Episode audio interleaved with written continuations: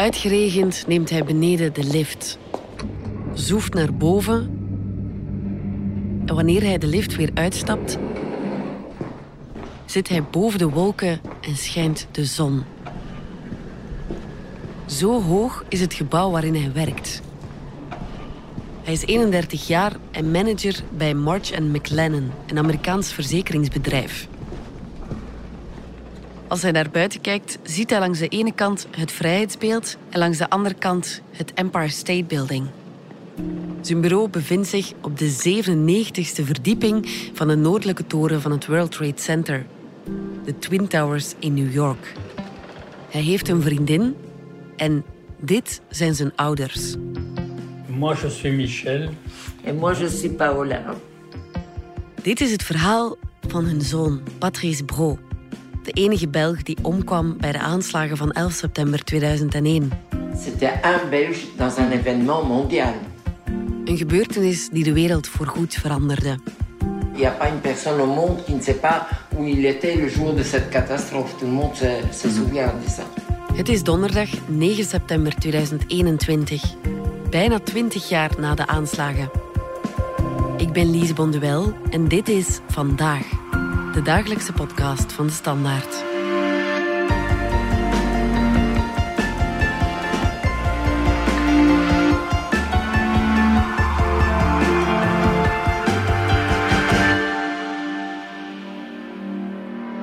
De eerste keer dat ik daar stond, dat weet ik niet goed meer. Dit is journalist Wouter Woese. Het was november. Ik denk dat het redelijk koud was. Ik denk dat het droog was. Ik heb toen aangebeld. En als ik me goed herinner, deed Michel de deur open, de vader van Patrice Pro. En Michel wist niet meteen wat hij moest antwoorden. Hij leek een beetje te twijfelen. En op dat moment kwam Paula de hal binnen. En ze zag mij staan aan de voordeur. En ze zei meteen tegen Michel van ja, oh, die jongen heeft hier waarschijnlijk zo lang in de kou gestaan. Roep hem gauw binnen, geef hem een kop koffie. Ik ben dan aan de keukentafel gaan zitten met Michel en Paula. En voor ik het goed en wel besefte, hebben we daar uren met elkaar gepraat. Hebben zij uren gepraat over hun zoon, Patrice Bro. Je vous offre un verre d'eau ou un... Un verre d'eau, oui. un verre d'eau Tu veux un verre d'eau aussi, chérie Oui, mais je... Zij vertelden eigenlijk heel levendige herinneringen over hun zoon. Bij veel van die anekdotes zou je niet gedacht hebben dat die mensen aan het vertellen waren over een zoon die 13 jaar eerder overleden was. Patrice, il a fallu le mettre scout pour qu'il se l'aime. Et Patrice a accepté aller scout très jeune. Ze vertelden eigenlijk zoals zestigers, zeventigers over de kindertijd van hun volwassen kinderen kunnen praten. Puis il est devenu chef scout. Il est devenu longtemps chef scout. Il est an, devenu. il, il entraînait les autres et tout ça. donc,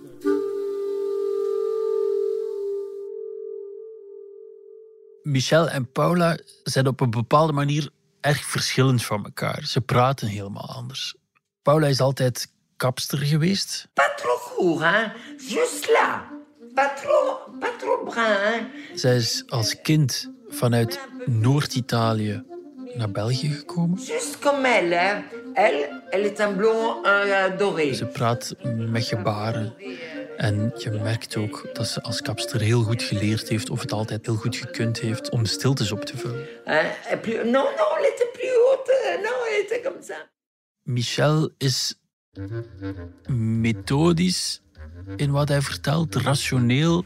réaliste et à la fois ouvert aussi. En hij vertelt ook niet heel veel. Hij is ook als kind naar Brussel gekomen uit het buitenland. Hij is van Franse oorsprong. Hij is altijd informaticus geweest bij een groot Amerikaans verzekeringsbedrijf.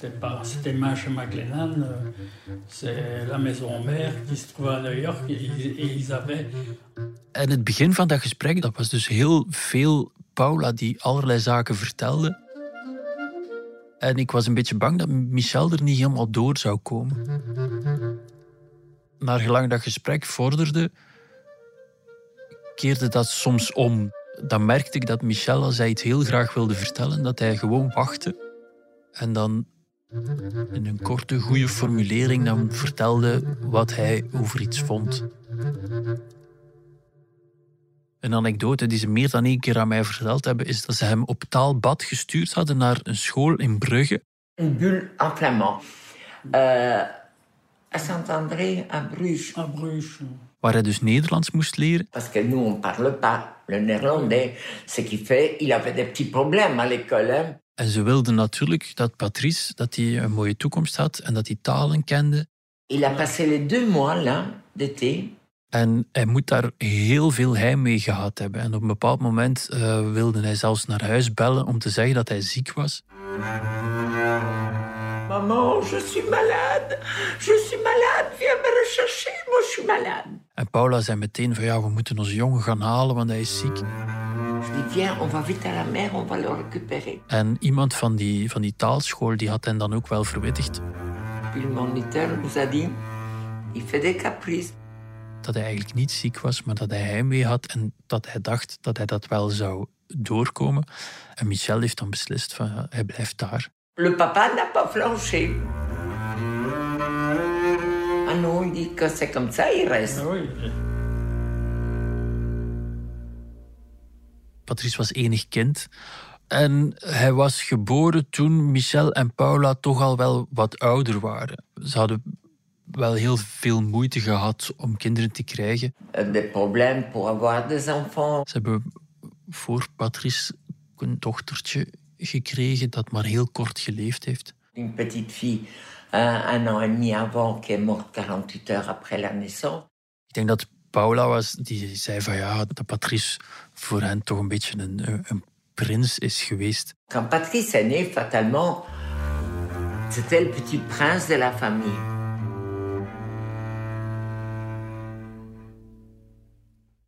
Ik denk dat ik na het gesprek beloofd heb dat ik het stuk zou doorsturen. En ik weet eigenlijk niet of ik dan gezegd heb dat we nog veel contact zouden houden. Dus ik weet ook niet of zij daarop zaten te wachten. Maar dat is een beetje vanzelf zo gekomen. Ik heb de eerste keer dat het 11 september was of zo, ja, dan moest ik wel aan hen denken. En toen heb ik ook wel een bericht gestuurd dat ik wel met, met mijn gedachten bij hen was. En ik ben dat eigenlijk blijven doen. Ik ga aanbellen, hè. Is goed? Ja. Zeven jaar later stond ik nog eens aan de deur van Michel en Paula. Met vriendinnen erbij om een opname te maken voor een podcast. Kun je iets voorlezen wat er staat? Vraag is omgekomen bij de aanslag op de torens van het World Trade Center te New York, Patrice Bro. 8 augustus 1970, 11 september 2001. Daar hangt een koperen plakkaat met de naam Patrice Broop en een opschrift, zowel in het Nederlands als in het Frans. In het Nederlands staat er dat hij overleden is op 11 september 2001. En in het Frans staat er disparu, wat overleden kan betekenen, maar ook verdwenen kan betekenen. En dat is eigenlijk wel toepasselijk, want ja, hij is die dag ook wel verdwenen. Dertien jaar lang hebben ze eigenlijk geen spoor van hem gevonden.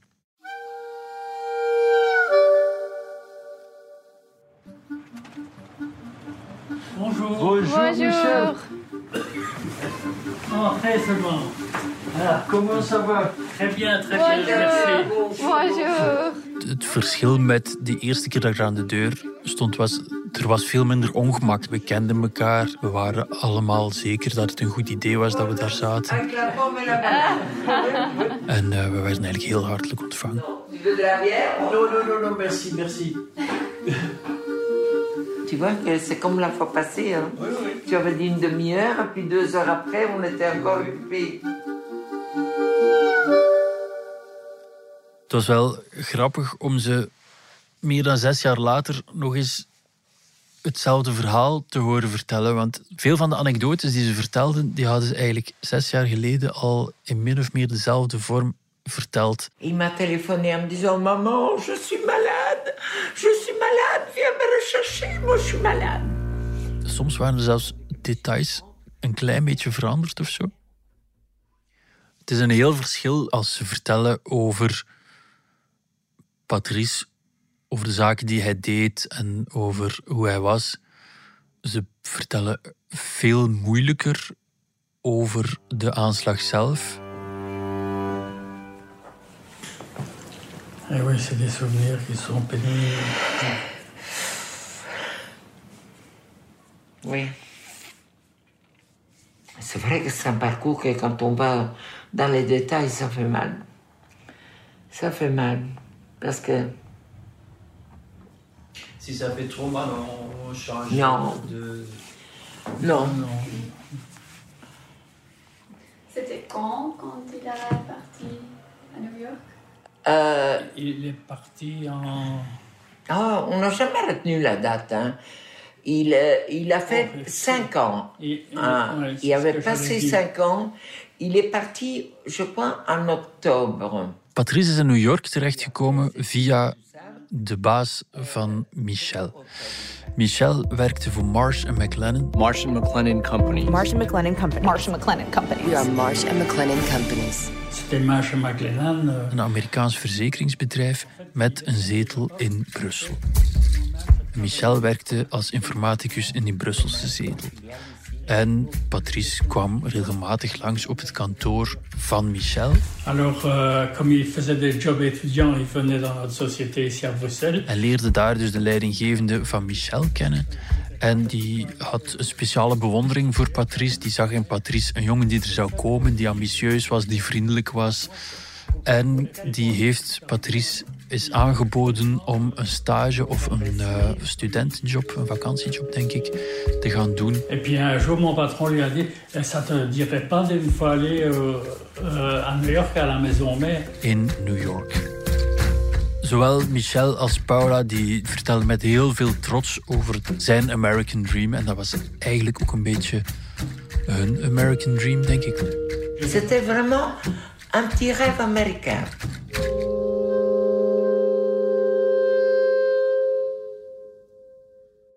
In de zomer van 2001 is Patrice Bro 31 jaar. Hij woont met zijn vriendin in New York, maar ze wonen redelijk klein. En ze zijn op zoek naar iets groters. Zijn vriendin, Lupe Mendes, is eigenlijk een collega. Ze hebben elkaar op een kantoorfeestje leren kennen. Ze hebben toen de hele avond gedanst met elkaar. En ze hebben eigenlijk contact gehouden omdat Patrice de ochtend erna op haar bureau een kaartje had gelegd of laten leggen. You left without saying goodbye. En van het ene is het ander gekomen, zijn dan een stel geworden. Patrice was dan op dat moment ook nog heel hard aan zijn carrière aan het werken. Hij had toen al een managementfunctie. En hij werkte op de 97ste verdieping van de Noordertoren van het World Trade Center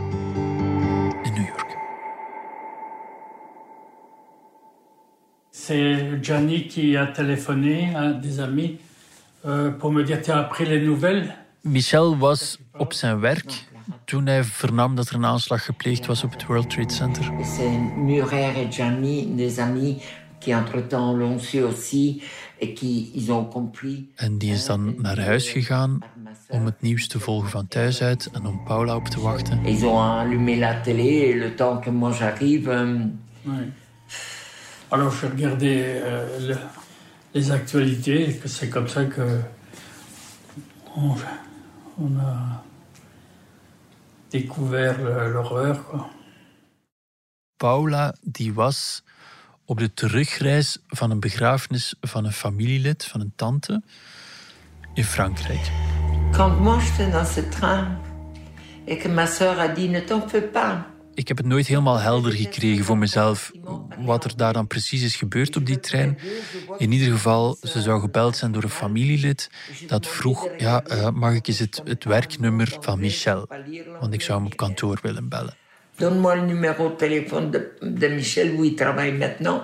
Dat gesprek heeft heel kort geduurd. Ze weet niet precies meer wat daar helemaal gezegd is in dat gesprek. Maar ze moet daaruit opgemaakt hebben dat er iets was met Patrice. En dat er misschien een aanslag gepleegd was op het World Trade Center. En ja, zij is dan op een trein waar niemand een smartphone had. Beginnen rondvragen van of er iemand iets wist. over een aanslag op het World Trade Center in New York. J'entends un monsieur qui monte avec sa valette et tout, et qui parle anglais au téléphone. Je vais vers lui, je dis monsieur, je dis monsieur, je dis, vous savez me dire, je dis, paraît qu'on a, on a, il y a eu un, attentat à, New York. Ah oui, qui dit, madame, on a détruit les deux tours, le, euh, chose, le Capitole, elle dit, on a, je me suis mis sur lui, je dis, mon fils est dedans. Mon Dieu, madame, elle dit, elle dit, téléphoner à quelqu'un. En fait, il, m'a donné son téléphone pour que je téléphone à ma cousine. Et je dis à ma cousine, ouvre la télé. Ouvre la télé. Mais pourquoi tu pleures dans le train? Je dis, ouvre la télé. Elle dit, c'est un film qu'on voit Je dis, non, je dis parce qu'il c'est dedans. Oui.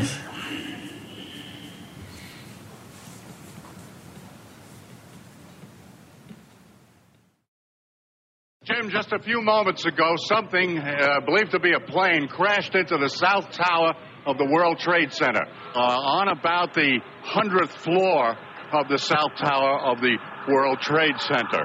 You can hear around me emergency vehicles heading towards the scene. You are looking at a, obviously a very disturbing live shot there. That is the World Trade Center. We understand that a plane has crashed into the World Trade Center. We don't know anything more than that. We don't know if it was a commercial aircraft, how many were on board, or what, is, what the extent of the injuries are right now. We weten niet precies waar Patrice Brood toen was. Zijn kantoor is het op de 97e verdieping van de Noordertoren van het World Trade Center, waar om 8 uur 46 het vliegtuig van de vliegtuigkapers van Al-Qaeda is ingevlogen. Um, dat vliegtuig heeft een impact gehad op de 94ste verdieping. Patrice zat daar onmiddellijk boven. I just saw flames inside. You can see the smoke uh, coming out of the, uh, of the tower. Er is daar meteen een brand losgebroken van 1300 graden volgens sommige berekeningen. Dus als hij op zijn bureau was, dan moet hij onmiddellijk dood geweest zijn. Maar we weten niet precies waar hij op dat moment was. Michel en Paula, maar vooral Michel, ze zijn daar enorm mee bezig geweest. S'il était dans l'ascenseur. Waar kan hij geweest zijn? Et qu'il a dû attendre 105 minutes avant de tomber. Het heeft een hele tijd geduurd eer de gegevens beschikbaar waren van wie er op kantoor was bij Marshall McLennan.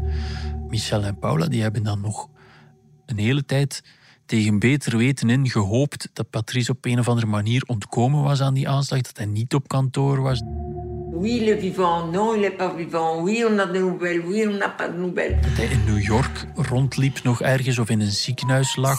C'était des jours, mais tortures entières. Paula vertelde ook dat Michel op een bepaald moment op zijn knieën voor een televisietoestel zat te kijken naar mensen die vastzaten op die bovenste verdieping van het World Trade Center, van die torens. En daar zijn sommige mensen ook in paniek naar beneden gesprongen. En op een bepaald moment moet Michel dus met zijn gezicht bijna tegen de televisie naar die kleine figuurtjes gekeken hebben, naar die mensen die daar naar beneden sprongen, om te zien of, of hij misschien zijn zoon niet kon herkennen.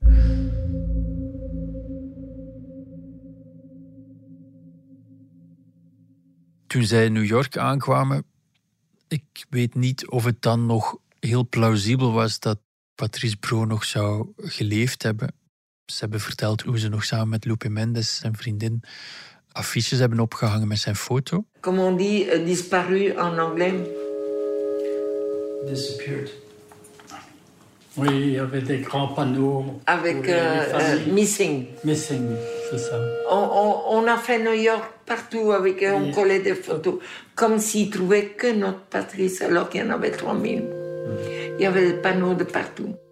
Maar ja, na verloop van tijd hebben ze daar dan in New York wel vernomen dat hij wel moet op kantoor geweest zijn en dat hij dus met een aan zekerheid grenzende waarschijnlijkheid overleden was.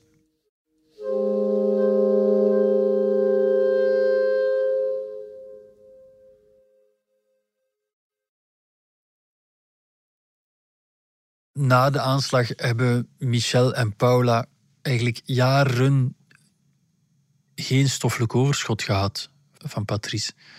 En dat heeft de verwerking voor hen zeker moeilijker gemaakt. Ja, dat zijn torens waarin duizenden mensen werkten. Daar waren bijna 3000 slachtoffers bij alle aanslagen van die dag gecombineerd. De stoffelijke resten van mensen uit de bovenste verdiepingen die door vuur getroffen waren, van sommige van die mensen was bijna niks meer over. En het heeft op die manier 13 jaar geduurd eer Michel en Paula het nieuws kregen dat er iets van Patrice teruggevonden was. Toi, tu, tu as voulu trouver un morceau de corps de ton fils. Oui. Tu voulais.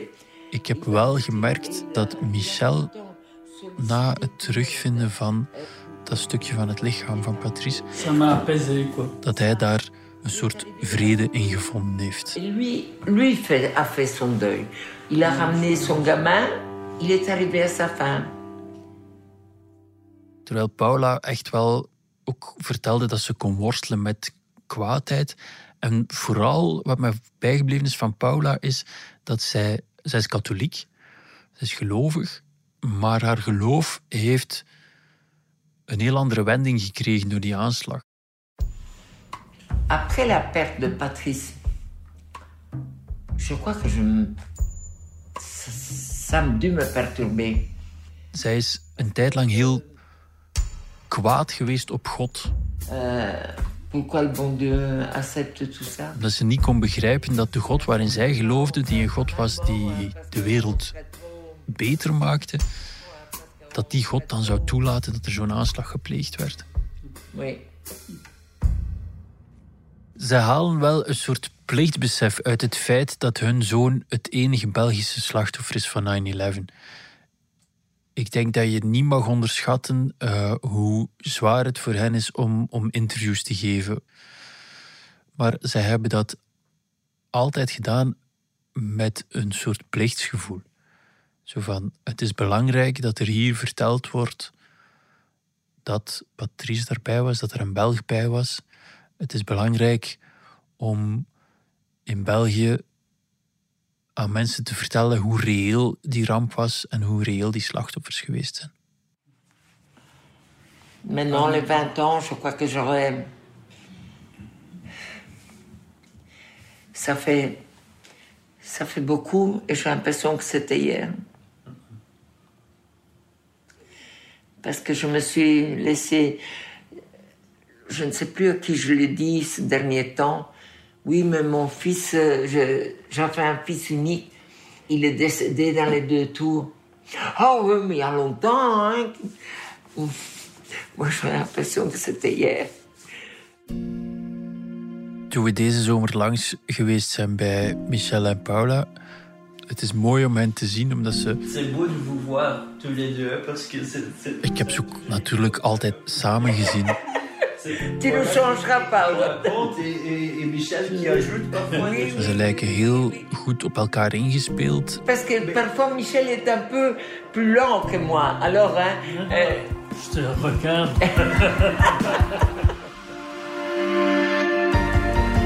Dit was Vandaag, de dagelijkse podcast van de Standaard. Bedankt voor het luisteren. Reageren kan via podcast.standaard.be. Alle credits vind je op standaard.be-podcast. Morgen zijn we er opnieuw.